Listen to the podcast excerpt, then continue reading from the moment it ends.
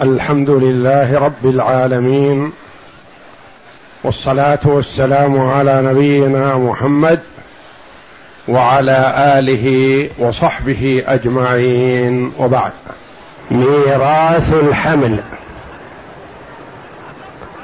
الحمل الجنين الذي يكون في بطن أمه وهو يرث ويورث بشرطين. الشرط الأول تحقق وجوده في الرحم حال موت مورثه وهذا بعلامات عرفت فيما مضى. الشرط الثاني أن ينفصل يخرج من بطن أمه حيا حياة مستقرة. ولو مات بعد هذا بلحظة. قد يوجد في الرحم حال موت مورثه لكن يموت في بطن أمه فلا يرث ولا يورث أو ينفصل بعضه ويموت. فكذلك وقد يكون وجوده في بطن أمه بعد موت الموروث. فلا يرث حينئذ. كأن يكون مثلا هذا الحمل أخ للميت من الأم وهو وارث. إذا كان موجودا في الرحم قبل موت مورثه. أما إذا حملت به أمه بعد موت أخيه فإنه لا يرث حينئذ. أو كان موجودا حال موت مورثه لكنه مات في رحم أمه. أو خرج بعضه ومات قبل أن يخرج باقيه. أو خرج فيه شيء من الحياة لكنها حياة غير مستقرة. تمدد أو تمغط أو حركة. كما يتحرك الميت والمذبوح ونحو ذلك هذا ما يعتبر حياة مستقرة. لكن إذا خرج وصح ثم مات فإنه يرث أولا ويورث ثانيا. خرج وعطس فإنه يرث ثم يورث. بكى وجد منه حركة حركة حي لا حركة ميت ثم مات. فإنه يرث ويورث. وهذان الشرطان تقدمان في أول الكتاب في شروط الإرث. فإذا مات مورثه وهو حمل مورثه أبوه أو أخوه أو جده أو من يمكن أن يرث منه هذا الحمل وهو حمل. وله شركاء في الميراث. فيقال لهم أتنتظرون حتى يخرج الحمل؟ ويتبين ماذا سيكون. هل يكون حيا فيشارككم أم ميت فلا أثر له؟ وهل يكون ذكر أو أنثى أو ذكران أو أنثيان أو ذكر وأنثى أو ثلاثة ذكور أو أكثر من ذلك؟ فإن انتظروا فهو أولى وأحسن. من أجل أن تكون القسمة مرة واحدة. وخروجا من الخلاف. ثم بعد خروجه من بطن أمه تقسم التركة على المستحقين. وإن قال بعضهم لا ننتظر فلهم ذلك حقهم يقول مورثنا مات ونحن في حاجة إلى الميراث والتركة. ولا ندري. قد تطول مدة الحمل لأن مدة الحمل قد تصل إلى أربع سنين وقد تكون مدة الحمل ستة أشهر. فأقل مدة الحمل الوارث ستة أشهر. أقل مدة الحمل من وجوده في رحم أمه إلى ولادته ستة أشهر. لأن الله جل وعلا يقول وحمله وفصاله ثلاثون شهرا. وقال جل وعلا والوالدات يرضعن أولادهن حولين كاملين لمن أراد أن يتم الرضاعة. فإذا خصمنا الحولين أربعة وعشرين شهرا من الثلاثين شهر كم يبقى؟ ستة وهذه أقل مدة الحمل. وأكثر مدة الحمل قيل أربع سنين. ووجد بعض النساء تحمل بالجنين أربع سنين. وقد يتتابع حملها كذلك. فإذا رفضوا الانتظار فلهم حق ولا يلامون لأنهم منهم من يكون محتاج ويريد حقه ومنهم من يكون مريضا ويريد أن يتصرف بحقه قبل أن يدركه الأجل. فلا يلامون إذا طلبوا تعجيل القسمة. طلبوا تعجيل القسمة ما موقفنا بالنسبة للحمل؟ نقول الحمل لا يخلو من ثلاثة أحوال. إذا كان وارث فلا يخلو من ثلاثة أحوال. إما أن يكون نصيبه لا يختلف وشركاؤه في الميراث ما يتغير ميراثهم. بوجوده أو عدمه حياته وموته. فحينئذ شريكه في الميراث لأنه هو سيكون حقه موقوف. لن يسلم لوليه أو وارثه أو نحو ذلك يبقى بيد القاضي. وإنما شريكه في الميراث. تقول مثلا المرأة أنا زوجة. وهذا الحمل ولد. وله للميت ولد غيره. فحقي لا يختلف. ثمن سواء كان هذا الجنين ذكر أو أنثى أو ذكران أو أنثيان أو ذكر وانثى كل واحد. حقي الثمن. لأنه ما يتوقف حقي على وجود هذا الحمل أو خروجه. لي الثمن لا مجال للزيادة ولا للنقص لأن فيه ولد غيره ليس هو الوحيد. ففي هذه الحال يعطى شريكه في الميراث نصيبه كامل. في حال يكون الشريك في الميراث يتأثر بهذا الحمل ولا يحرم من الميراث بحال لكن قد يزيد حق الحي هذا وقد ينقص بسبب هذا الحمل. فمثلا ميت عن إبن وحمل فهذا الحي قد يأخذ المال كله إذا مات الحمل هذا. وقد يأخذ النصف يكون هذا الحي الحمل ذكر فيتناصف إياه. وقد يكون الحمل أنثى فيأخذ الحي الثلثين. وقد يكون الحمل مثلا أنثيان.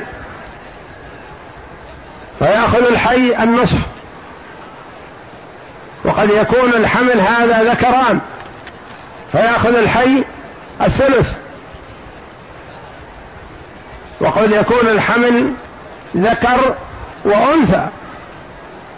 فيأخذ هذا الحي خمسين وهكذا يتنوع. ففي هذه الحال نعطيه الأقل نعطي الحي الأقل أو نعبر عنه نعطيه الأضر الأضر في حقه لأنه المتيقن وما زاد يكون موقوف قد يكون الحي يرث في حال ولا يرث في حال. هذه الحالة الثالثة ما نعطيه شيء. كأن يموت شخص عن حمل. وأخ شقيق. حمل وأخ شقيق. إن كان هذا الحمل ذكر فالمال كله له والأخ الشقيق ما يأخذ شيء. وإن كان هذا الحمل أنثى أخذت النصف والباقي لعمها للأخ الشقيق. وإن كان هذا الحمل أنثيين أخذتا الثلثين وما بقي للأخ الشقيق.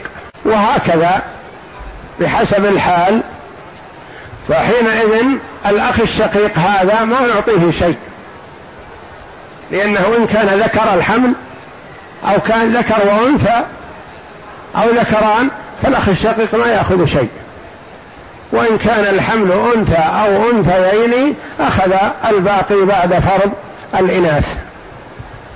ففي هذه الحال ما نعطي الأخ الشقيق شيئا لاحتمال أنه لا يرث. إذا فأحوال الشريك شريك الحمل ثلاث حالات. حالة ما يتأثر بالحمل مطلقا. وهذا يعطى نصيبه كاملا.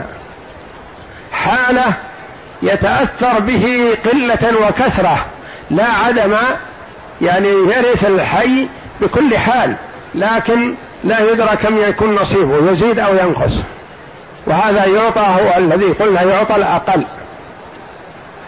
الحالة الثالثة أن يكون الحي محتمل ميراثه ومحتمل عدم ميراثه. فهذا نعامله بالأضر فلا نعطيه شيئا حتى يتبين الحمل هذا الشريك معه في الميراث. هو هو الحمل لا يخلو قد يكون أنثى وقد يكون ذكر وقد يكون ذكرين. وقد يكون أنثيين. وقد يكون ذكر وأنثى. وقد يكون أكثر من ذلك لكن هذا الغالب. فنقول ما قل وندر هذا نضرب عنه صفح. والغالب أنه لا يخرج عن هذه الأحوال الخمسة. ذكر أنثى ذكران أنثيان ذكر وأنثى. فإذا أردنا أن نقسم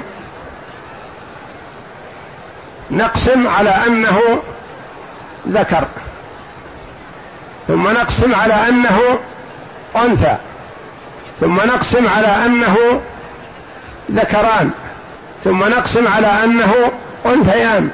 ثم نقسم على أنه ذكر وأنثى. والسادسة نقسم على أنه ميت.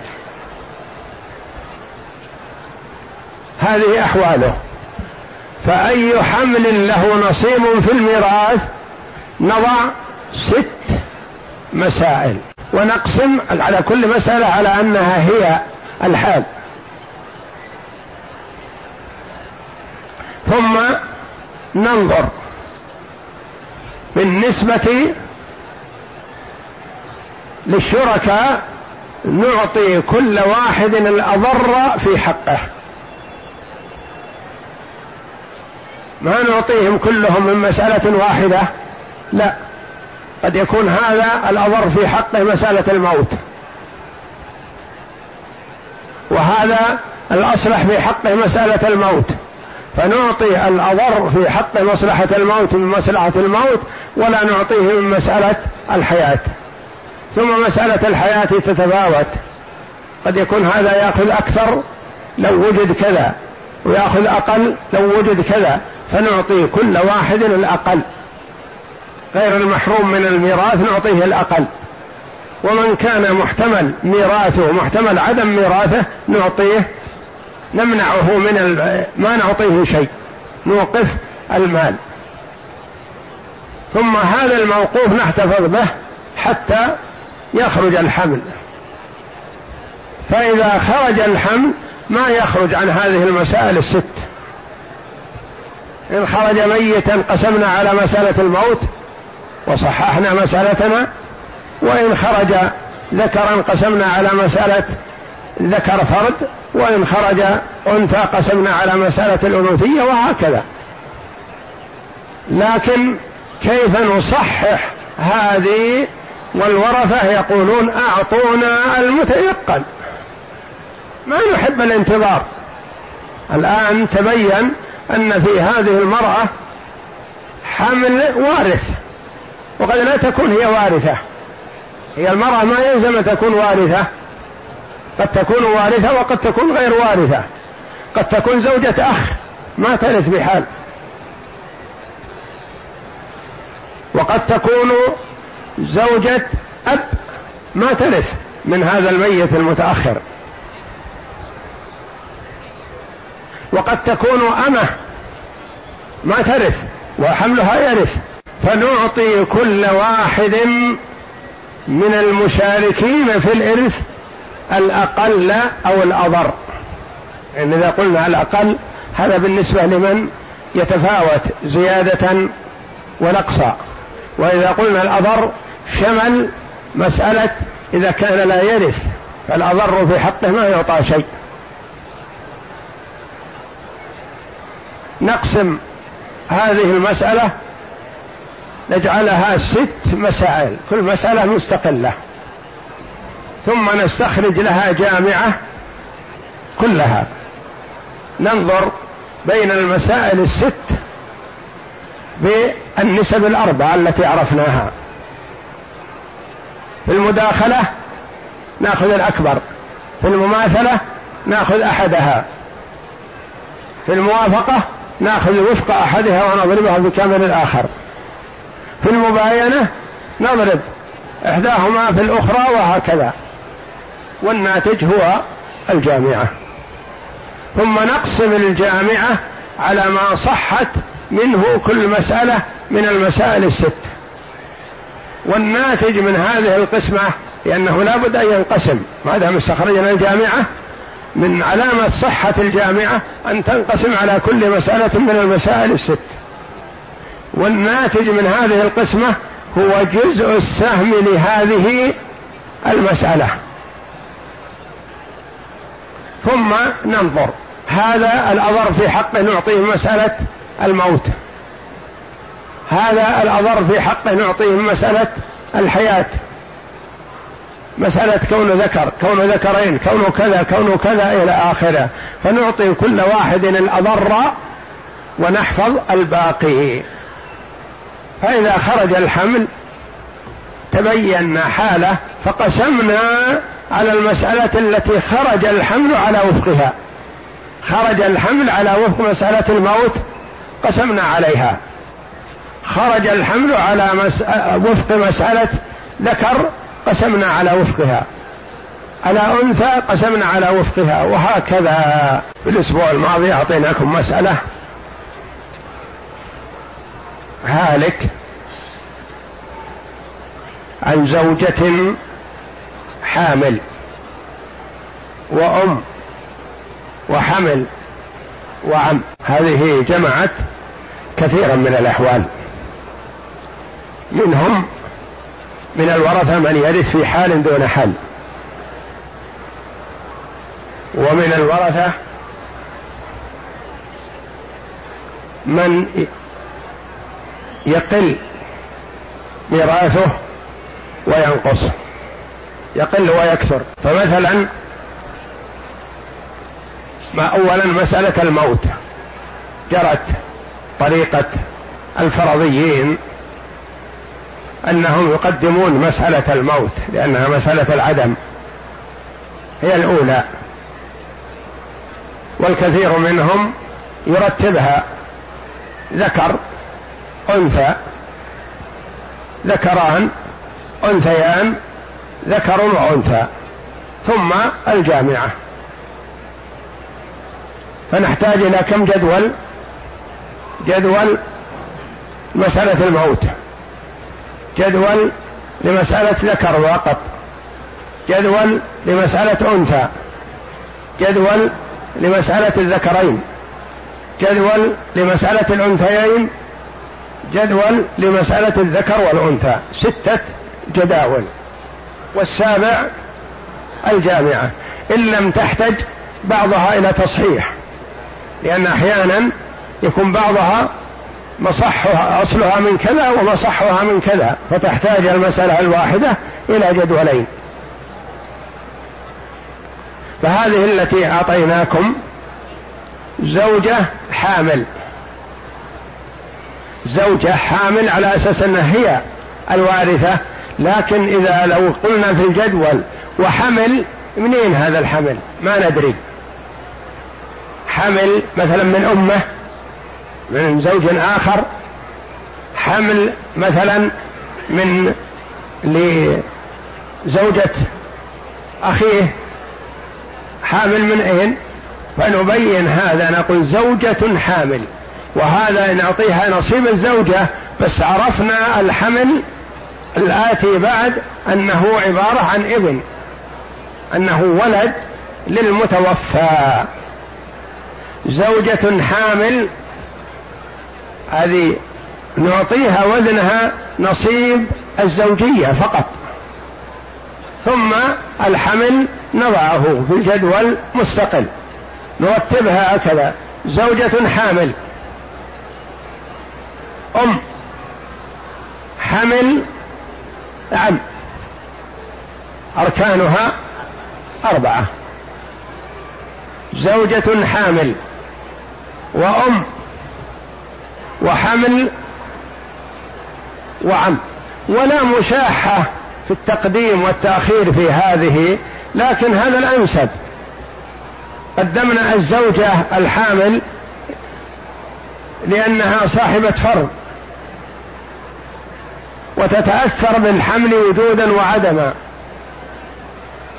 ثم ذكرنا الأم بعد هذا وهي كذلك. تتأثر بالحمل زيادة ونقص.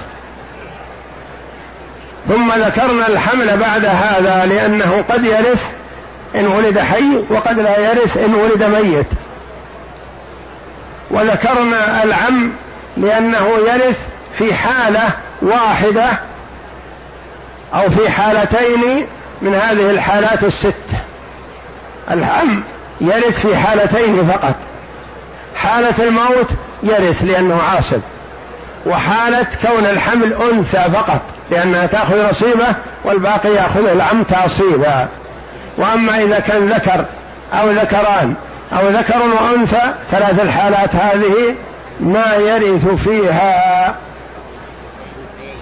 وفي حالة الأنثيين كذلك يرث في حالة الأنثيين لأن الأنثيين يأخذن الثلثين والباقي يكون له واحد من أربعة وعشرين. جدولنا مثلا؟ الجدول الأول كتبنا فوقه موت. هذه مسألة الموت. موت كأن لا حمل حينئذ. إذا قلنا موت يعني معناه ما في حمل. في زوجة وأم وعم. نقول المسألة في زوجة لها الربع الآن لأن ما في حمل. والأم لها الثلث والربع والثلث يتفقان في أصل 12 والعم له الباقي. فنقول المسألة من كم؟ من اثني عشر. للزوجة الربع ثلاثة وللأم الثلث لعدم الفرع الوارث أربعة ثلاثة وأربعة سبعة. بقي من الاثنى عشر كم؟ خمسة تكون للعم تعصيبا. فمعناه أنه الأم والزوجة والعم كلهم يتمنون موت هذا الحمل يستريحوا منه. كلهم مستفيدين من موته. حتى أمه الذي تحمله في بطنها مستفيدة من موته أكثر من فائدتها من حياته. إلا في المستقبل. هذه مسألة الموت من اثني عشر. مسألة الحياة على أنه ذكر فقط. من كم يا ترى؟ انظر الفروض الذي فيها. الزوجة لها الثمن. نقصت. والأم لها السدس بدل الثلث. صار عندنا في المسألة ثمن وسدس. من اثني عشر؟ لا ما يصلح. لأن اثني عشر ليس لها ثمن. من ثمانية؟ لا لأن الثمانية لها ثمن لكن ليس لها سدس. من ستة عشر؟ ستة عشر لها ثمن لكن ليس لها سدس. من ثمانية عشر؟ لأن الثمانية عشر لها سدس لكن هل لها ثمن؟ لا. إذا يتفق الثمن والسدس من أربعة وعشرين. للزوجة الثمن ثلاثة. وللأم السدس أربعة. وللحمل الباقي لأنه ذكر ما أحد يشاركه. له الباقي سبعة عشر. انتهينا من مسألة الذكورية. أنثى. فرضنا أن الحمل بنت. نقول المسألة كذلك من أربعة وعشرين. للزوجة الثمن لأن وجود فرع وارث الحمل. وللأم الثلث وجود الفرع الوارث. وللحمل بصفته بنت له النصف اثنى عشر. والباقي خمسة للعم تأصيلا وعشرين مثل السابقة. ثلاثة للزوجة وأربعة للأم والحمل له اثنى عشر والعم له الباقي خمسة. ذكرين من أربعة وعشرين كذلك. الزوجة لها الثمن ثلاثة والأم لها السدس أربعة والباقي سبعة عشر بينهم بالسوية. ولا نحتاج نحللها الآن أصولها لأن المسألة متوقفة على ولادة الحمل ما ندري ماذا سيكون. لكن له سبعة عشر ذكرين. أنثيين الزوجة لها الثمن ثلاثة والأم لها السدس أربعة وللحمل الثلثان. الآن فرضنا أنه أنثيين والبنتين لهن الثلثان. الثلثان ستة عشر. والباقي واحد للعم. لأن من أربعة وعشرين ثلاثة للزوجة وأربعة للأم. هذه كم؟ سبعة. سبعة وسبعة عشر آه سبعة وللبنتين ستة عشر. الثلثان. ثمانية وثمانية. يبقى واحد من أربعة وعشرين يكون للعم. ذكر وأنثى. المسألة كذلك من أربعة وعشرين. للزوجة الثمن ثلاثة وللأم السدس أربعة والباقي سبعة عشر للذكر والأنثى. رؤوسهم ثلاثة وتحليلهم فيما بعد. لا نشقي أنفسنا بالتصحيح ولا ندري ماذا سيخرج. إنما نوقف نصيب لهم نصيبهم سبعة عشر. الباقي. ننظر. استعجلوا الزوجة تقول أعطون حقي. أنا مريضة وحامل ولا أدري. أدرك الحمل أو أموت قبل الحمل. فأريد حقي أستفيد منه. الأم عجوز كبيرة تقول أعطوني حقي. ما أريد أستفيد منه في حياتي. العم يقول أعطوني يقول لا أما أنت فلا. يعني محتمل يكون لك نصيب ومحتمل أن تحرم. ما يكون لك نصيب. فالزوجة الأضر في حقها نعطيها من مسألة الموت أو مسألة الحياة. مسألة الحياة. لأن في مسألة الموت ستأخذ الربع وفي مسألة الحياة ستأخذ الثمن ولا يختلف. في جميع المسائل الخمس كلها لها الثمن ثلاثة من أربعة وعشرين. نعطيها الثمن. أولا قبل هذا نستخرج الجامعة. نقول المسائل الأولى مسألة الموت من كم صحت؟ اثنى عشر. والباقيات كلهن من أربعة وعشرين. ننظر بين الاثنى عشر والأربعة والعشرين. نجد الاثني عشر داخلة ضمن الأربع والعشرين. والأربع والعشرين كم عندنا مسألة؟ ذكر وأنثى وذكرين وأنثيين وذكر وأنثى. خمس مسائل كلها من أربعة وعشرين. نكتفي بواحدة منها. إذا الجامعة لهذه المسائل المتعددة كلها هي أربعة وعشرون. نقسم الأربعة والعشرين على مسألة الموت. كم يكون جزء السهم اثنان. نقسمها على مسألة الحياة مسائل الحياة كلها يخرج واحد. فنقول للزوجة إذا أعطيناها من مسألة الحياة كم سنعطيها؟ ثلاثة في إذا أعطيناها مسألة الموت ثلاثة في اثنين بستة. وإذا أعطيناها من مسألة الحياة بأنواعها نعطيها ثلاثة في واحد. أيهما الأضر في حقها؟ ثلاثة في واحد بواحد ثلاثة. الأم إذا أعطيناها من مسألة الموت أعطيناها أربعة في اثنين بثمانية. وإذا أعطيناها من مسألة مسائل الحياة الخمس أعطيناها أربعة في واحد بأربعة. نعطيها أربعة. ونعطي الزوجة ثلاثة. كم راح؟ سبعة. كم بقي من التركة بقي سبعة عشر. يقول العم نصيبي نقول ما ندري يمكن ما يكون لك شيء. ما نعطيك شيء نعطيك تصرفه ثم إذا التفتنا إليك فيما بعد ما وجدنا عندك شيء. لا نحفظه عندنا. وأنت محتمل تأخذ ومحتمل ما تأخذ فما نعطيك شيء. تضيع وتقول هذا الأيتام أنا وليهم وأنا كذا وأنا كذا يضيع حقهم. لا.